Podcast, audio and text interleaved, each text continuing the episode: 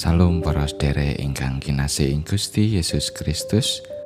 Pepanggihan malih wonten ing Sabtu Winedar, renungan patintenan basa Jawi. Sumangga sesarengan kita kekilut sabdanipun Gusti saderengipun kita ndedonga. Gusti Allah Rama kawula kasuwargan. Sedaya puji syukur kunjuk dumateng Paduka Gusti. Awit sakataing berkah pangrimat Paduka ing gesang kawula satinten-tinten. Saat menika Gusti kawula nyawisaken manah kawula. Sumangga Gusti paring pangandikan. Mugi roh Tuhan ingkang suci paring pepadang ing manah kawula. Setemah kawula kasagetaken mangertosi menapa ingkang paduka kersakaken tumrap kawula. Tasih kathah dosa kelepatan kawula ing ngarsa paduka Gusti. Mugi Gusti kersa ngapunteni. Wonten ing asmanipun Gusti Yesus Kristus kawula ndedonga lan saos syukur. Amin. Wawasan kabenet saking kalih Petrus bab 3 ayatipun wolu dumugi 13 Mong wae para kekasih kowe aja padha kelalen prakara siji iki yaiku yen ing ngatasé pangeran sedina iku prasasat sewu taun sarta sewu taun prasasat sadina. Pangeran ora mblenjani janjine. Sanadyan ana saweneing wong kang ngarani mblenjani nanging panjenengane nyabari kowe sebab karsane aja nganti ana wong kang nemu bilai nanging supaya kabeh wong padha bali sarta meratobat nanging bakal tekani dinaning Gusti iku patrape kaya maling. Ing dina iku langit bakal sirna kanthi swara gumuruh ngegirisi. Sarta didasaring wujuding donya bakal lebur kaobong sarta bumi lan kabeh kang ana ing kono bakal ilang sirna Mulane menawa samu barang kabeh iki bakal lebur kanthi patrap mangkono iku. Saibo gedene kewajibanmu supaya uripmu suci sarta mursid.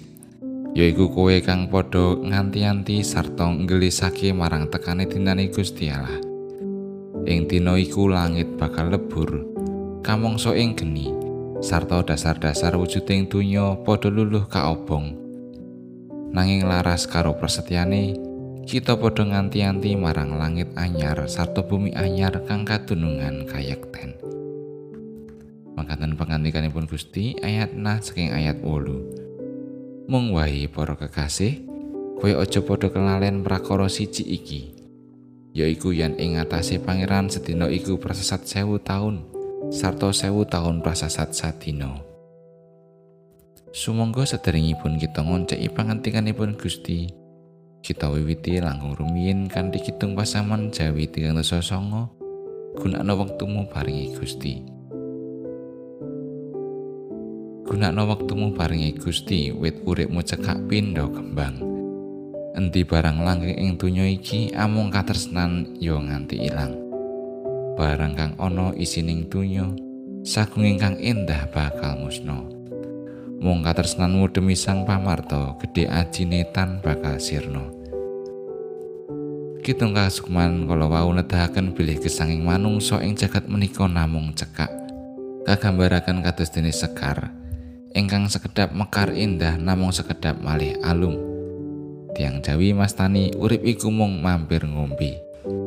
Piwucalipun Rasul Paulus seteng Petrus ngumat perkawis supados sepuro kagunganipun Gusti ingkang dipun latusi dening Petrus mboten kenging pengaruh babagan piwucal ingkang nasaraken. Tiang Kristen kedah bila rawi pun Gusti Yesus ingkang kaping kalih menika samangke tetep badhe kelampahan. Ananging perkawis wekdal menika manungsa tetan saged mangertosi kekeranipun Gusti. Menggaing Gusti sewu tahun menika sami kalian sadinten. Tegesipun babagan wekdal-wekdal menika namung kumantung kalian kawicaksananipun Gusti Allah piyambak. Makatan ugi kesang kita wonten ing jagat menika winates. Namung Gusti ingkang pirsa lan ingkang kuwaos maringi wewengan kangge nglampahi gesang.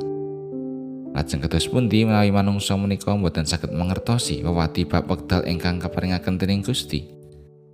Sumangga kita sami tansah mangun gesang kanthi setya tuhu. Manembah lan sumuwit dhateng Gusti lan tresna dhateng sesami. Dadosa ing wekdal ingkang bingahaken menapa ing wekdal ingkang mrihatosaken. Pancen gesang wonten ing jagat menika kedah kemakarya kangge nyekapi kabetahan.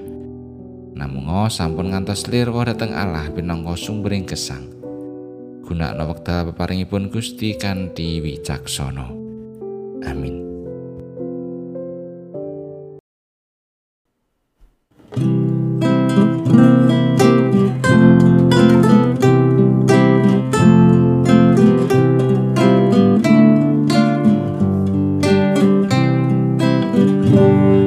Gusti batu kongirit lampah kula. Kula nerek patuko salaminyo kawula tatan saged milih sapuro kula Gusti